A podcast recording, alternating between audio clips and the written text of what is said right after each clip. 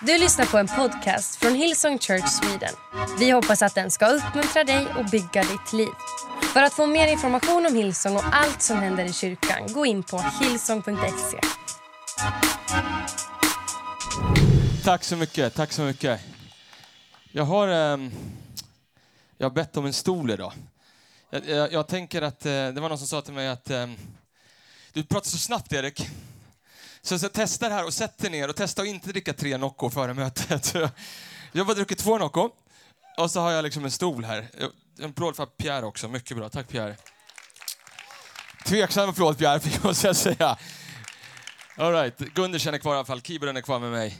Eh, slå upp din bibel till första Korinthierbrevet, eh, kapitel 10, vers 13. T vänta med att lägga upp det, kapitel 10, vers 13.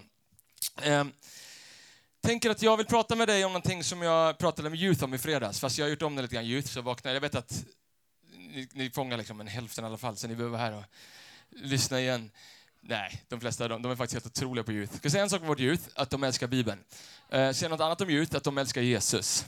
Jag Ska säga något annat om Youth? Att de bjuder med sina vänner till kyrkan. Säga något annat om Youth? Att 22 människor blev frälsta i fredags på Big Friday. Ska säga något annat om Youth? Att många av våra nästa pastorer, ledare, låtsasledare och world changers finns i Youth. Det är en av de bäst bevarade hemligheterna som finns i vår kyrka. Alla borde gå och hälsa på Youth någon gång och, och, och känna på hur det är. Och bästa sättet är att åka på camp så får du se vad Gud gör. Första Korinthierbrevet kapitel 10, vers, eh, vers 13. Ehm, jag tänker att om jag sitter ner också så kan jag... Det är sant att jag är en av pastorerna här i kyrkan. och pastor Andreas är i USA as we speak och eh, predikar. på väg bort till Australien där vi gör Hillsong Conference nästa vecka. Men jag, jag är också en av pastorerna, men jag tänker att kanske i så 28 minuter och 24 sekunder att jag kan vara något annat. Att jag kan vara... Att jag mer kan vara som din storebror. Går det bra? För vissa av er så är det så här jätteung storebror. För vissa andra är det liksom supergammal. Hand upp om du, om du har en storebror eller stora syster. Ja, håll kvar den får jag bara säga. Om du ens... Du kan ta den, tack. Undrar om du har ens en aning om hur avundsjuk jag är på dig. Eh, för när jag växte för jag är äldst, jag har, jag har tre syskon. Eh, min yngsta lilla syster stod här på scenen, Hanna idag, sjöng. Men det är... Jag säger så, när jag växte upp så och vad jag önskade bland att jag hade en storebrorsa. Och, och ganska många har gått tillbaka så jag har tänkt på, eh, så jag har tänkt på hur det hade varit om jag hade haft en storebror som kunde sitta ner och snacka med mig när jag var 14, 15, 16, 17 och vem vet, kanske jag hade jättemånga av de där sakerna som jag har kämpat med och som jag kämpar med än idag när jag är 40 plus. Eh, eh, du vet, kanske hade jag behövt kämpa lite mindre om jag hade haft en storebrorsa som satt ner och pratade med mig och sa så här, du vet, Erik kom igen, alltså gör det här eller tänk inte det här. Då. Eh, Äh, första Korinthierbrevet kapitel 10, ganska, ganska konstigt ställe. Har du, eh, har du, ehm, har du läst Bibeln någon gång? Och så här, du, du, tror ju på, jag tror ju på allting. Jag tror på tryckeriet som har tryckt den, jag tror på kartorna, jag tror, tror på allting. Eh, men, eh, men vet du, man, man läser någonting och man tänker så här, men det kan ändå, alltså det kan ändå inte riktigt fullt ut gälla mig. Är det bara jag eller? Det är, man, man, det är liksom, de, de kallas ju för de goda nyheterna de här, men man tänker bara, really? Alltså det, alltså det, kan inte vara så här bra.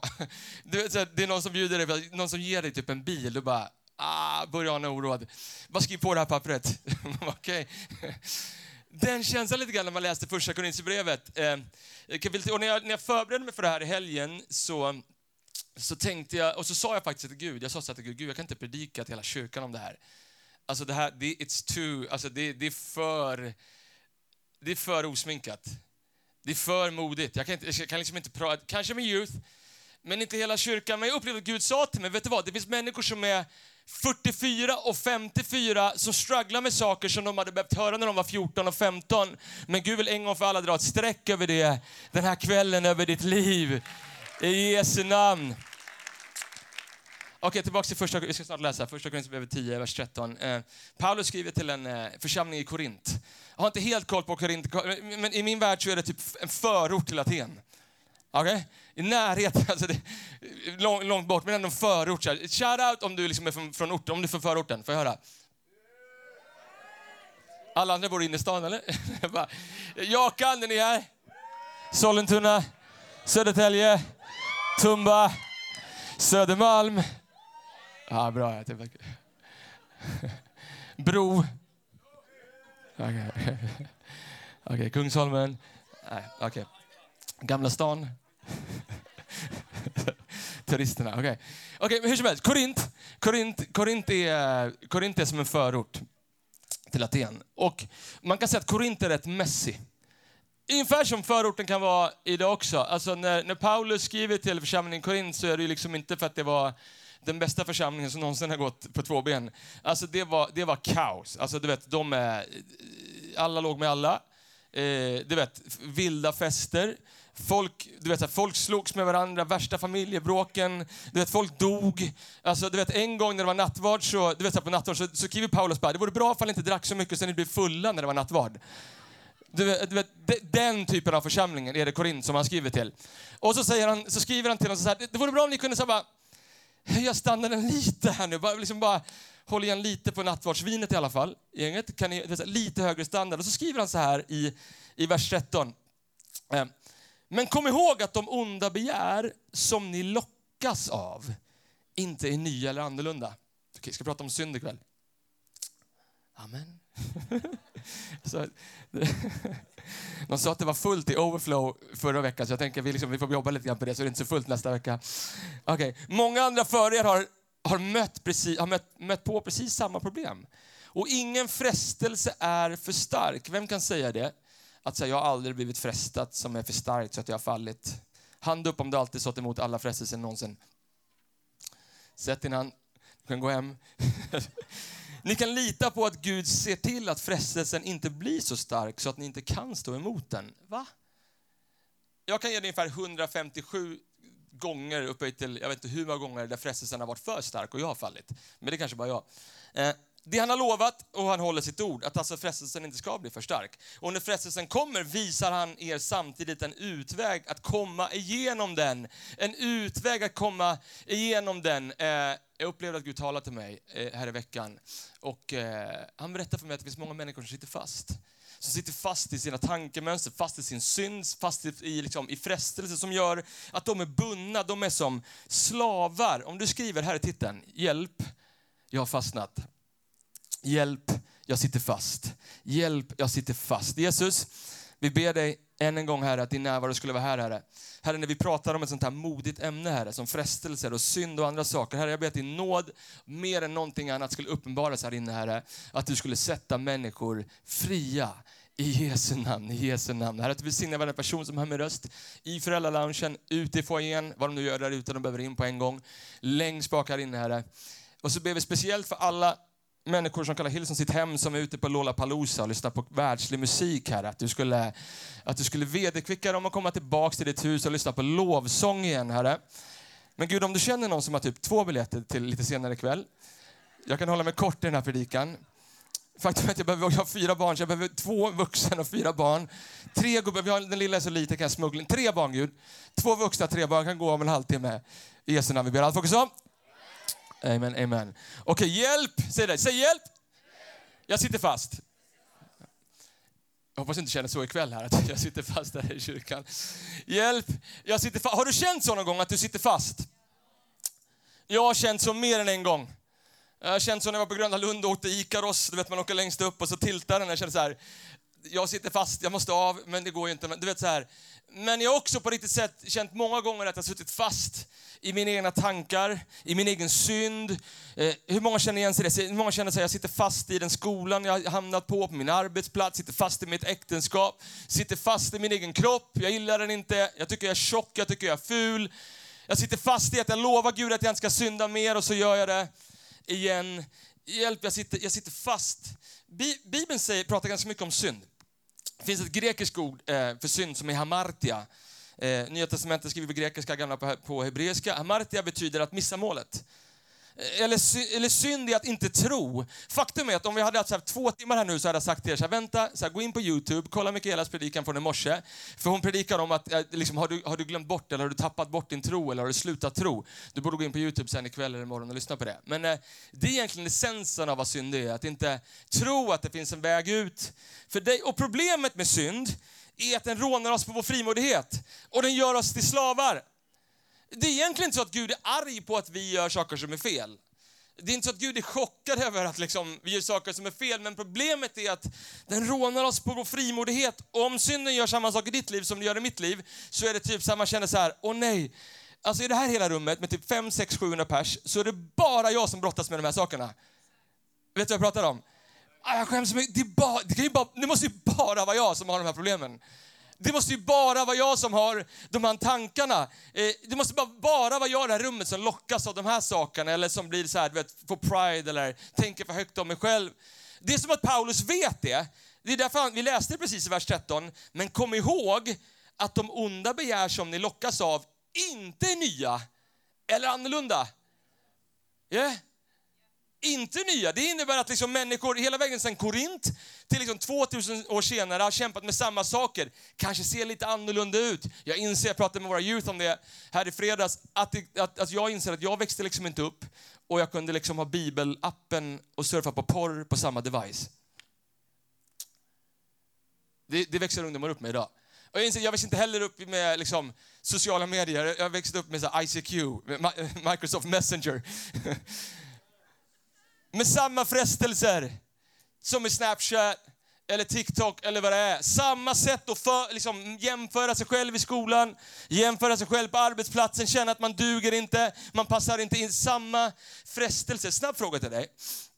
När du känner dig rädd, eller när du känner att du har synd i ditt liv, eller är frestad i ditt liv, eller liksom är på en torr plats i ditt liv, vart flyr du? Vart flyr du? Vart flyr du? För om det är i ditt liv som det är i mitt liv så är det så här, djävulen vet, han skapar typ som en tunnel.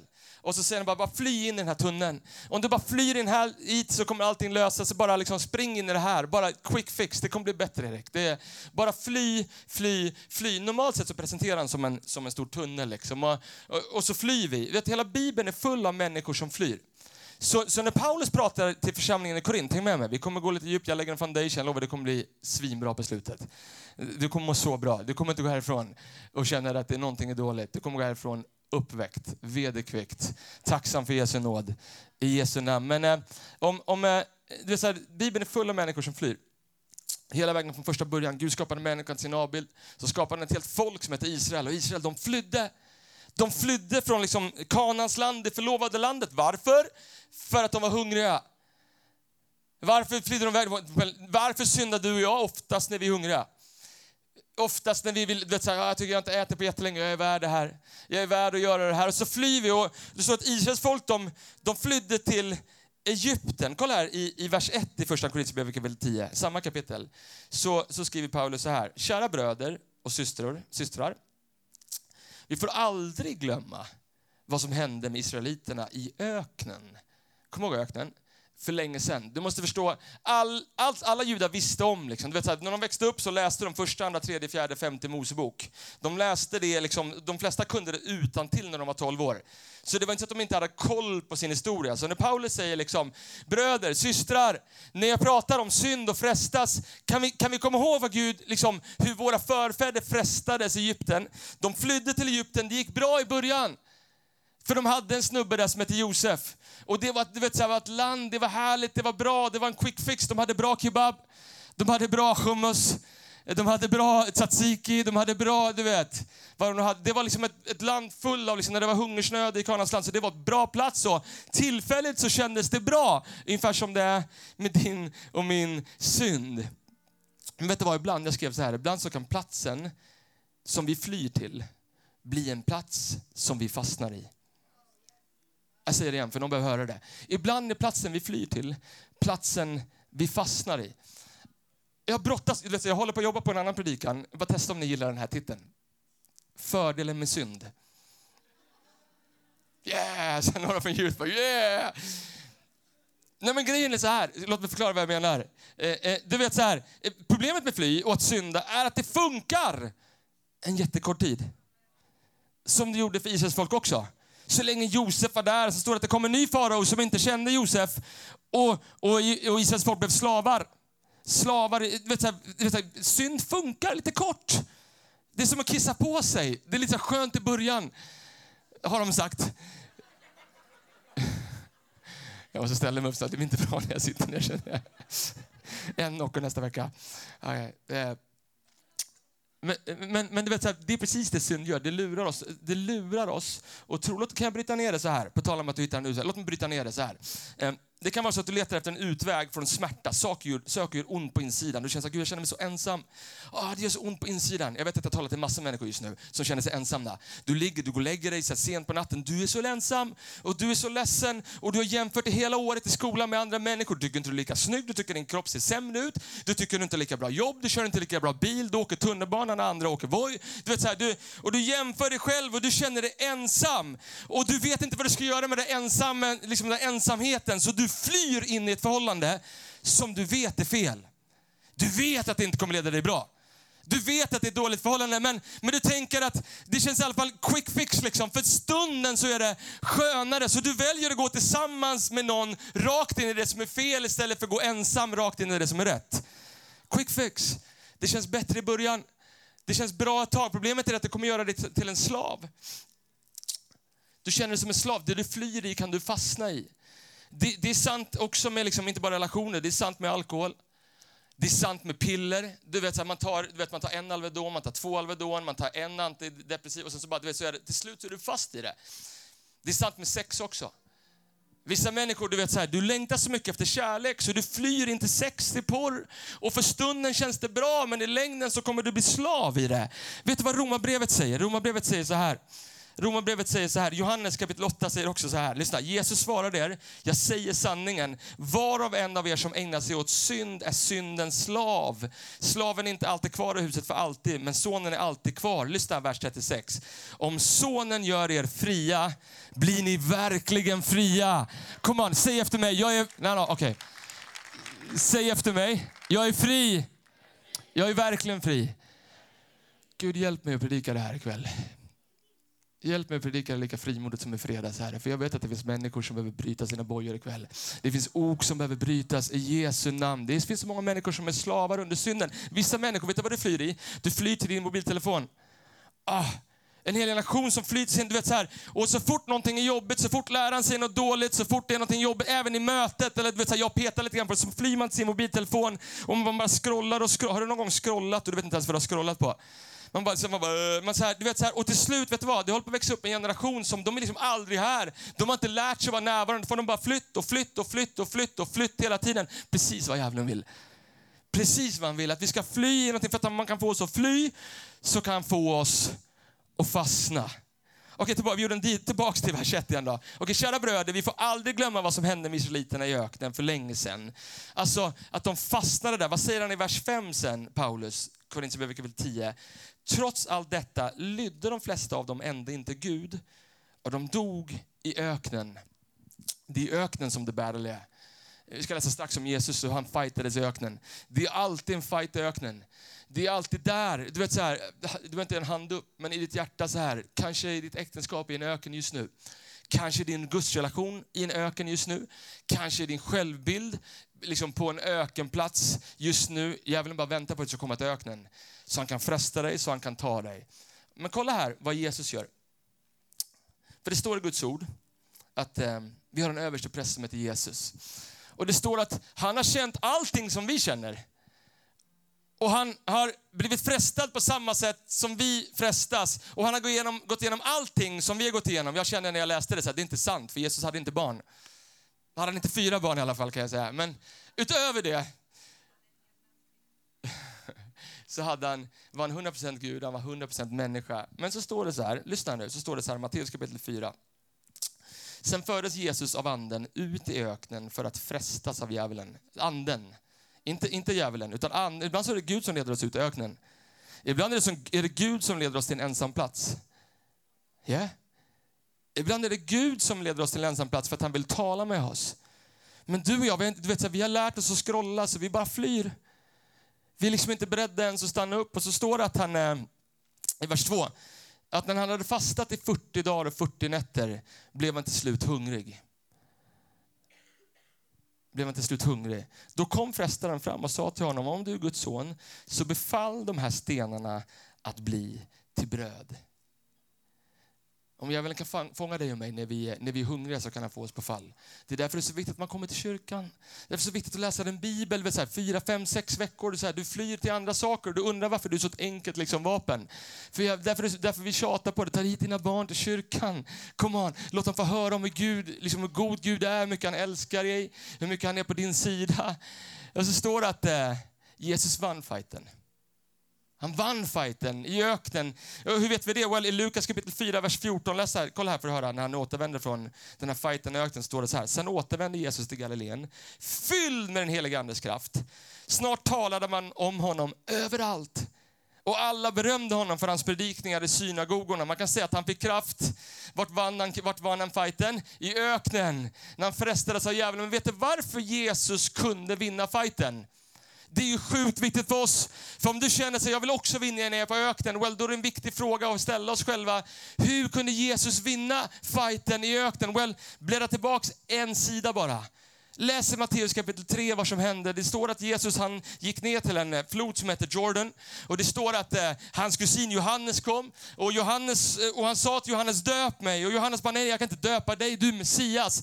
Men, men, Jesus, han förstod att han behövde höra någonting från sin fader om han skulle kunna vinna någonting i öknen. Han behövde fylla på med sanning, riktig sanning, innan han skulle gå ut och ta fighten i öknen. Gud har inte lovat oss ett liv fritt från frestelse, fritt från prövning. Han har inte lovat oss det. Men han har sagt, även om jag vandrar genom dödsskuggans dal. Det innebär att vi har en frälsare, en Messias som går med oss genom synden. Så står det i vers 16, lägg upp, lägg upp det, i vers 16 så står det att eh, himlen, när Jesus hade blivit döpt steg han genast upp i vattnet. Då öppnades i himlen och han såg Guds ande komma ner som en duva och stanna över honom. Nästa vers. Och en röst från himlen sa, vad sa den? Detta är min älskade son. Han är min glädje. Så när Jesus sen, bara nästa kapitel av anden leds ut i öknen så vet han att jag är Guds son. Om Gud är för mig, vem kan vara emot mig? Gud har kallat, så att han visste det. Han visste det. Han visste det. Och det var därför han kunde vinna fighten. Okej, snabbt på slutet. Tre saker som du behöver höra ikväll. Tre saker till dig som sitter fast ikväll. Okej, jag har bara lagt upp foundation till det som ska komma nu. Tre saker. Tre saker som kommer provocera dig, jag tror det. Tre saker som eh, kanske också är svårt att få in i sitt huvud. Men, men kanske kan du få in den i, ditt, i din ande. Okej, okay, kolla. Första saken som du måste förstå om du sitter fast. Du kan inte fly. Du kan inte fly. Det går inte att fly. Det, det, David säger i psalm 139, säger han så här, var skulle jag kunna gå från din ande? Vart skulle jag kunna fly från din närvaro? När jag kom tillbaks till Gud, jag ska inte dra min story idag, men jag ville ta mitt eget liv och jag höll på att hoppa framför ett tåg, men jag gjorde inte det. Jag åkte till en pingkyrka söder om Stockholm och jag blev frälst. Men när Jesus dök upp så, så skämdes jag ihjäl, för jag hade synd på insidan av mitt liv. Så jag gömde mig under ett piano. Jag tänkte jag kan fly från Gud. Hur många vet att man inte kan fly från Gud? Om David säger det så stämmer det. Det går inte att fly från Gud. Det går inte. Vissa människor, vet så här, du har flytt, du har bytt stad. Du har bytt kyrka, du har bytt fru, du har bytt liksom relation. Du har bytt, vet du, allting är nytt. Det finns liksom bara ett problem. Du är fortfarande kvar. Du tog med dig själv. Du tog, det, det går inte att fly. Eller som den här kvinnan med blöda sjuka, jag vet inte var det står i Bibeln någonstans, men det finns en kvinna som har blödarsjuka, jag tror det står i alla evangelier. Det står att hon kröp fram efter 12 år av smärta, så kröp hon fram, fick tag på hörntofsen i Jesus mantel och Jesus bara boom, kraft gick ur mig. Vem var det? Det står att kvinnan hon sprang och försökte gömma sig. Du vet, att till slut, efter jag vet inte, en halvtimme, en timme, två timmar, så kröp hon fram. Och det står att Jesus såg på henne och sa, jag dömer inte. Kom kvinna, du ska vara hel, du ska vara fri, din tro har frälst dig. Det, det börjar med att inse att det går inte att fly. Det, det går inte. Helt omöjligt. Okej, okay, får jag läsa ett bibelord till för dig så ska du få en annan provocerande sak. Matteus kapitel 5, på engelska, Jesus han står på ett berg och predikar världens kändaste tal, vi kallar det för bergspredikan. Och så pratar han om att vi ska vara salt, vi ska vara ljus, han pratar om vårt givande och massa andra saker. Och sen så börjar han prata om typ så här standarden. Så Paulus han pratade om till, liksom, till församlingen Korint, det här är liksom standarden ni ska hålla. Okej, okay, så börjar han prata till, eh, till lärjungarna och typ 5-10 000 pers. Kan du, kan du se det framför dig? De står där liksom. Eh, och, och Jesus han står upp, de sitter ner och han tittar på dem och så, och, och så bara läser han så här högt för dem. Lägg upp det med mig, Matteus kapitel 5. You therefore must be perfect as your heavenly father is perfect. Va? Står det så? Ni ska alltså vara perfekta som er fader i himlen. Det måste vara typ så här, hans lärjungar måste bara vara så här, men vänta nu, okej. Okay. perfekt svar, perfekt svar, okej, okay, perfekt, perfekt, perfekt. Men, men du då Jesus, och liksom, hur ser fadern ut? Och Jesus bara, den som har sett fadern, den som har sett mig har sett fadern. Så var perfekta precis som jag är, var perfekta precis som jag är perfekt. Och jag kan tänka mig att folk där, precis som du känner just nu, så här, men, men, men, men Jesus, jag, jag kan inte vara perfekt. Jesus, Jesus bara, ja men jag vet. Men min standard är perfektion. Men vad ska jag göra? Jag, liksom, jag, jag, jag, jag syndar. Jesus bara, ja vad ska du göra? Jag, jag, vet, alltså, det känns helt hopplöst. Jag försökte, försökte, jag har lovat att jag inte ska synda igen, men jag kommer göra det igen. Finns det ingen annan väg? Så här, vad ska jag göra? Jesus bara, eh, var perfekt men vi var ju överens om att jag inte kan vara perfekt Jesus. Eh, ja, var ändå perfekt. Therefore you must be perfect as your father in heaven is perfect. Eh, eh, men vadå, men jag tänk, får jag synda då? Ja, men du måste ändå vara perfekt. Men jag kan inte Jesus. Säg det igen. Nej, men jag kan inte Jesus. Säg det igen. Nej, men det är typ som jag behöver hjälp. Hjälp? Så, så, du behöver hjälp, sa du det? Ja, typ som en superkraft. Jag kan inte leva perfekt. Bra. Kanske är det precis det Jesus ville eh, förklara för dig och mig. Och för alla de där proffskristna som kommer hit och dömer och pekar ut. Om du är sån kristen får jag peta lite grann på dig. Du vet, så här, tur att jag inte är lika dålig som de där. Jag vet vad vissa människor i Hillsong gör. Du vet, så här, då får jag peta lite grann för det. För det är precis det Jesus gjorde. Det satt massa fariseer och proffskristna där. Så han bara, okej, okay, så vi ska vara perfekta. Okej, okay, ni vill prata liksom religiös game. Låt mig berätta vad gamet är. Var lika perfekta som jag och min far i himlen är. Alla bara, det går inte! Bra. Vi är överens. Kom an, andra saken, du kan inte vara perfekt. Du kan inte leva perfekt. Det går inte. Jag önskar jag kunde säga att jag hade kommit på formulan, men jag har inte det. Du kan inte leva perfekt. Okej, okay. låt mig läsa ett bibelställe till för och läsa en sak till som du inte kan göra. Johannes kapitel 8, känd story. Jesus han träffar en, eh, en äktenskapsförbryterska, en kvinna som varit otrogen eh, några fariséer har hittat henne liksom på bar gärning, vilket jag också tycker är helt flippat. Liksom, vad fick de in där? Liksom, vad gjorde de ens där om de hittade henne på bar gärning? Hur som helst, de drar fram henne inför Jesus. De vet att lagen säger att, eh, att eh, hon ska stenas. Och de bara, Jesus, vad ska, vad ska han göra? Vad ska vi göra med den här tjejen? Ska hon stenas? Ska hon stenas? Eh, och Jesus bara, den som är fri från synd kan, eh, kan kasta första stenen. Det är helt tyst. Och det står att den, den äldste gick först och sen den yngste och de bara släppte sina stenar. Kolla det, vers 10 nu. Kapitel 8, vers 10. Då såg Jesus upp och sa till henne, kvinnan, vart tog de vägen? Var det ingen som dömde dig? Eh, nej, herre, svarade hon. Då sa Jesus, jag tänker inte heller döma dig. Lyssna, kolla på den här sista versen nu. Gå nu, men synda inte mer. Okej okay, Gud, hoppas hon var typ 99 år och typ dog nästa dag. Då kanske det gick att liksom inte... Tänk om Gud kom hit idag och bara, Petrus, gå nu, synda inte mer. Vilken press! Om Jesus själv kom, Erik, gå nu, synda inte mer. Du vet, jag skulle stängt in mig liksom på mitt rum, kom aldrig mer in. Jag skulle bara, du vet så här, gå, det, vet du vad? På ställe efter ställe, jag läste bara ett ställe, om du läser Petrus predikan om ehm, eh, Betesda och den här lamemannen här om veckan. Jesus säger samma sak. Han säger till honom, honom bara, gå, synda inte mer. Han säger det till kvinnan med blödarsjukan, gå, synda inte mer. Till Bartimeus, gå, synda inte mer. Lyssna min vän, punkt nummer tre. Det går inte. Du kan inte sluta synda. Du kan inte sluta synda. Det, det, går inte att sluta synda, det går inte att leva. Jesus visste det på samma sätt som det inte gick att leva perfekt.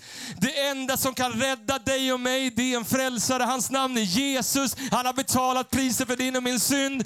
Hans nåd är provocerande god, nåd är ingen teologi, nåd är en person. När du och jag inte kunde komma till Jesus så kom han till oss mitt i våran synd, i våran skam, i vårt dåliga självförtroende, mitt i vårt äktenskap har kraschat, när vi har syndat igen och när vi har lovat att Gud inte syndar en gång och vi gör det en gång till, så kommer Gud. Och han säger, min dotter, min son, jag älskar dig. Jag är din storebror, om du vill kom så får jag krama dig. Kom on, varför går du på det? Varför flyr du och sitter fast och lyssnar på vad djävulen säger? Det är inte sant. Det är inte sant. Gud älskar dig! Hur mycket? Kolla på korset. Han hängde med två armar utsträckta som en öppen famn så att hela världen, inklusive alla på Clarion Sign, skulle förstå att han älskar dig. Han kommer inte fördöma dig. Han kommer att sätta dig fri. Amen. Och så säger han i, eh, Låt oss teamet komma upp med mig, i Johannes kapitel 7, vers 37. Om någon törstar, så kom till mig och drick. Låt det ligga kvar. På ett annat ställe står att, står att Jesus han, han liksom förvandlade stenar till bröd där han frestades. Och så säger han att jag är det levande brödet. Och någon är törstig kom, vi gjorde precis det, vi åt. Vi åt, bröd, vi åt Jesus. Vi, åt, vi tror inte att det är Jesus, men vi påminner oss själva om det. Men Jesus, han är det levande brödet. Han är också det levande vattnet. Och om någon är törstig, om du är på en törstig plats, om du är i öknen, om man är i öknen så är man törstig, säger Jesus. Om någon är törstig, säger Jesus till någon, kom till mig. Kom till mig. Kom till mig och drick. Om jag säger till dig så här, hjälp jag sitter fast och du har massa synder, så säger jag till dig så här. Eh, om jag säger till dig så här till exempel, så här, tänk inte på en elefant. Tänk inte på en giraff. Tänk inte på att jag har en lila tröja. Ni tänker ju på att jag har en lila tröja på en giraff och en elefant, eller hur? Tänk inte på, att, på din synd. Tänk inte på vilka hemsidor du varit inne på. Tänk inte på när du ljuger. Tänk inte på att du håller på att skära dig själv. Tänk inte på liksom vad folk skulle liksom tänka om de förstod liksom hur du hade liksom ditt fördolda. Tänk inte på det. Alla ni tänker på det just nu. Vet du vad lösningen är på vår synd och våra tillkortakommanden och våra brister när vi sitter fast? Jag berätta, jag blev påminn om det i veckan när jag pratade med våra youth. När jag växte upp så, jag är storebror. Jag har ingen storebror, jag är äldst. Jag kan berätta om när jag kände en gång att jag satt på en stol och inte kunde hjälpa min syster. Jag har tre syskon. Johan, Hanna som står här och sen så har jag en annan syster som heter Elin. Och när vi växte upp så, när Elin var 14-15 år så fick hon anorexia. Alltså inte lite så här, lite anorexia, inte så här lite problem med att äta, det vore bra om hon käkade lite mer. Alltså inte så här, ah, inte helt nöjd med mig själv. Alltså anorexia, 34 kilo, inlagd på akuten, dropp, familjen, krismöten. Alltså varje dag, skrik, kaos, typ. Ska hon överleva en vecka till? Typ, typ sån anorexia. Och eh, jag minns en gång att jag var så frustrerad över att hon satt fast. Oh, jag var så frustrerad. Jag var hennes storebror ju. Alltså, jag, alltså hur kan inte jag hjälpa henne? Hur kan hon inte fatta att hon är en pinne? Kan hon inte fatta att hon måste äta? Hur kan hon inte fatta att hon är bara lögn har liksom lurat henne? Och hon sitter hur kan hon inte fatta det? Jag minns att det gick så långt en gång. Jag, blev så, jag var så irriterad på henne. På den tiden så käkade vi Skogaholmslimpa, jag och min brorsa. Jag gjorde det också där. Och boy, det var så här, sånt här lager med smör. Bara drog på sånt lager på en dubbelmacka. Och så, bara, så gick jag fram till Elin och så bara, Elin! Och så bara tryckte jag upp hennes, hennes mun så här. Och så tryckte jag ner hela, hela Skogaholmslimpan in i hennes mun. Så bara skrek jag, svälj! Svälj! Medan jag grät, tårar rann för mina kinder. Elin, svälj! Du kommer dö annars! Du måste äta! Och jag vet att jag känner mig så otillräckligt.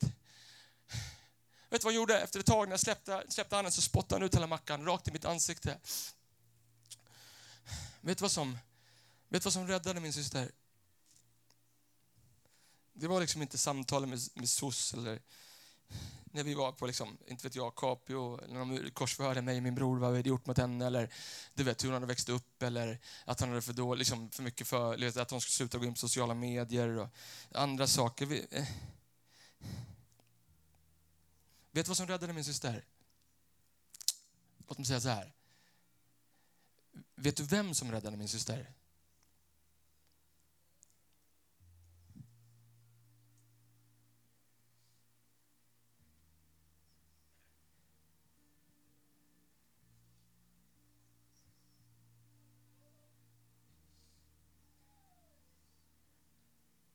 Mötte Jesus. Hon såg honom. En dag så var hon i kyrkan, jag fick med henne till kyrkan. Vi var på Kina teatern, en annan kyrka. Och det gick upp en präst och han sa, om du tror på Jesus eller om du inte tror på Jesus, kanske har du synd och skam, kanske gör det jätteont här inne. Om du känner att du håller på att dö, kom han vill sträcka upp din hand ska jag be för dig. Hon lyfte upp sin hand och Jesus bara poff, stormade in i hennes liv. Du, vet, du, du kan gå liksom många utbildningar och kurser och whatever du kan, liksom, men det gjorde Gud på en sekund. På en sekund. Och, och så säger Bibeln, får jag avsluta med det här bibelordet? Det finns ett bibelställe i Romarbrevet kapitel 8 där det står så här, lägg upp det här. Så, så finns nu, så finns nu, så finns, säg det med mig, så finns, så finns, jag hör inte där bak, så finns, så finns nu ingen fördömelse för dem som är i Kristus Jesus. Låt det ligga kvar tills jag är klar nu. Okej, okay. så finns nu ingen fördömelse. Får jag säga en sak till dig? Du kanske inte är som mig, men jag har inga problem med synd som jag gjorde för fem och tio år sedan. Noll problem. Alltså, jag, alltså, jag, alltså, det är så 100% säkert att det är bakom korset. Alltså, jag känner mig så fri från sakerna som jag strugglade med när jag var typ tonåring. Eller du vet, i början när jag gick upp i liksom, mina, 19, 20, 21. Jag, jag känner mig så fri från det. Mycket skit, men jag, jag, jag, jag ska djävulen har inte en chans. Jag är så fri från det. Men om du frågar mig om synden jag gjorde förra veckan. Eller om jag frågar någon om synden du gjorde igår, eller typ i morse. Men är det därför Paulus säger, så finns nu? Synden jag gjorde idag, så finns nu ingen fördömelse för den som är i Kristus. Lyssna det bibelstället säger, fördömelse för dem som är i Kristus Jesus. Jag önskar att jag kunde linda in det och säga, så finns nu ingen fördömelse för dem som bara do good, get good. Så finns nu ingen fördömelse för dem som slutar synda. Så finns nu ingen fördömelse för dem som är lite snällare. Det är inte det det står. Så finns nu ingen fördömelse för dem som är i Kristus Jesus. Det har alltid handlat om Jesus. Det kommer alltid handla om Jesus. Det är bara Jesus som kan göra det vit som snö. Och det står i Guds ord att när han tvättar oss vita som snö, när Fadern tittar på oss, så har han glömt bort vår synd. Du och jag, vissa av oss, vi ber Gud om förlåtelse om synder som Gud redan har glömt bort som han redan har glömt bort. Gud bara, Gud, bara förlåt för den där synden jag gjorde för tre månader sedan. Gud bara, vilken synd? Du bad ju om förlåtelse för den för två, två veckor sedan. Det är djävulen som försöker liksom få dig att sitta fast så finns nu ingen fördömelse för de som är i Kristus Jesus. Om du vill veta det och känna sig riktigt fri. Well, den Guds son gör fri är verkligen fri. Så vad är nyckeln till frihet? Vad är nyckeln till att inte sitta fast? Den mannen. Det har alltid varit den mannen. Det kommer alltid vara den mannen. För 2000 år sedan gick han upp på ett kors mot Golgata. Han gav sitt liv på korset. Men han är här på Clarion idag. Och han älskar dig. Och han är så arg på djävulen som har fått människor att sitta fast. Som har bundit fast fast människor. Han är här för att sätta människor fria. Kom om vi ställer oss upp. Jag vet att det är en modig predikan idag. Det är inte ens en predikan, jag bara pratar lite mer, eller hur?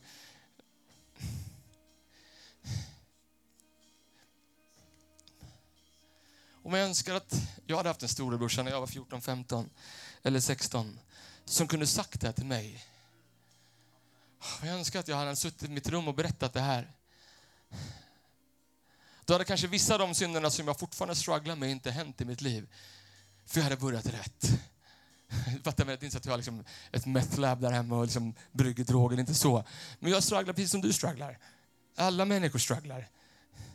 Men vet du vad jag vill säga till dig? Det är aldrig för sent. Det är aldrig, aldrig, aldrig för sent att vända om. Men du måste förstå, för vissa människor har flytt i hela sitt liv. Det går inte att fly. Det går inte att fly. Det går inte att fly. Vissa människor har försökt att leva perfekt hela sitt liv. Det går inte att leva perfekt. Du håller dig själv till sån hög standard. Det går inte, så du späker dig själv. Du vet, så här. Vissa människor de har försökt att inte synda mer. Det går inte heller. Du kan inte bygga din gudsrelation på att du ska leva perfekt. Eller att du ska sluta synda. Eller att du, liksom ska, vara, att du ska sluta fly. Även fast allt det där är konsekvensen. För Gud säger så här, att det är Guds godhet som leder oss till omvändelse. Vart är det det står någonstans? Romarbrevet 2.4. Det är, någon som skriver upp det. Det är Guds godhet som leder oss till omvändelse. Inte hans, mm, skärp dig Erik, gör bättre. Nej, nej, Det är när vi förstår hur god han är. när vi, när vi ser den mannen och vi förstår hur god han är, det är då vi vänder om. Och vi, vi, vi fäster vår blick på Jesus. De människor ibland när de pratar om omvändelse, de bara, ja, predika omvändelse i Hillsong, hoppas ni gör det i Hillsong. Och det de menar är så här, liksom, se till att folk verkligen vet vilka synder de har, så de kan tänka lite grann till på dem och bara liksom verkligen förstå att de har synd i sitt liv. Det är inte det Bibeln säger. Bibeln säger, det är Guds godhet som leder, leder oss till omvändelse. Att vända om är ju att vända bort från sin synd. Sluta tänka på sin synd, fästa blicken på Jesus. Han som älskar mig på min bästa dag, på min sämsta dag. Han som alltid har älskat mig, alltid kommer älska mig. Kom vi sluter våra ögon här inne. Vi sluter våra ögon, vi sluter våra ögon. Kommer alla är still just nu, ingen går. Ingen går, inte ens, inte ens pastor eller ledare eller volontär. Kommer sluta dina ögon. Halleluja. Thank you Jesus. Fader vi prisar dig Herre. Halleluja. Vi ska sjunga lite grann kort och sen så ska vi be och vi ska sätta människor fria här inne. Syndens ok och bojor ska få brytas, kedjor ska lämnas här framme idag, inne på Clarion Sign. Folk kommer gå härifrån fria, inte lite grann fria, verkligen fria. Thank you Jesus, thank you Jesus. Thank you. Du har lyssnat till en podcast från Hillsong Church Sweden. Om du vill veta mer om vår kyrka eller om våra söndagsmöten surfa in på hillsong.se.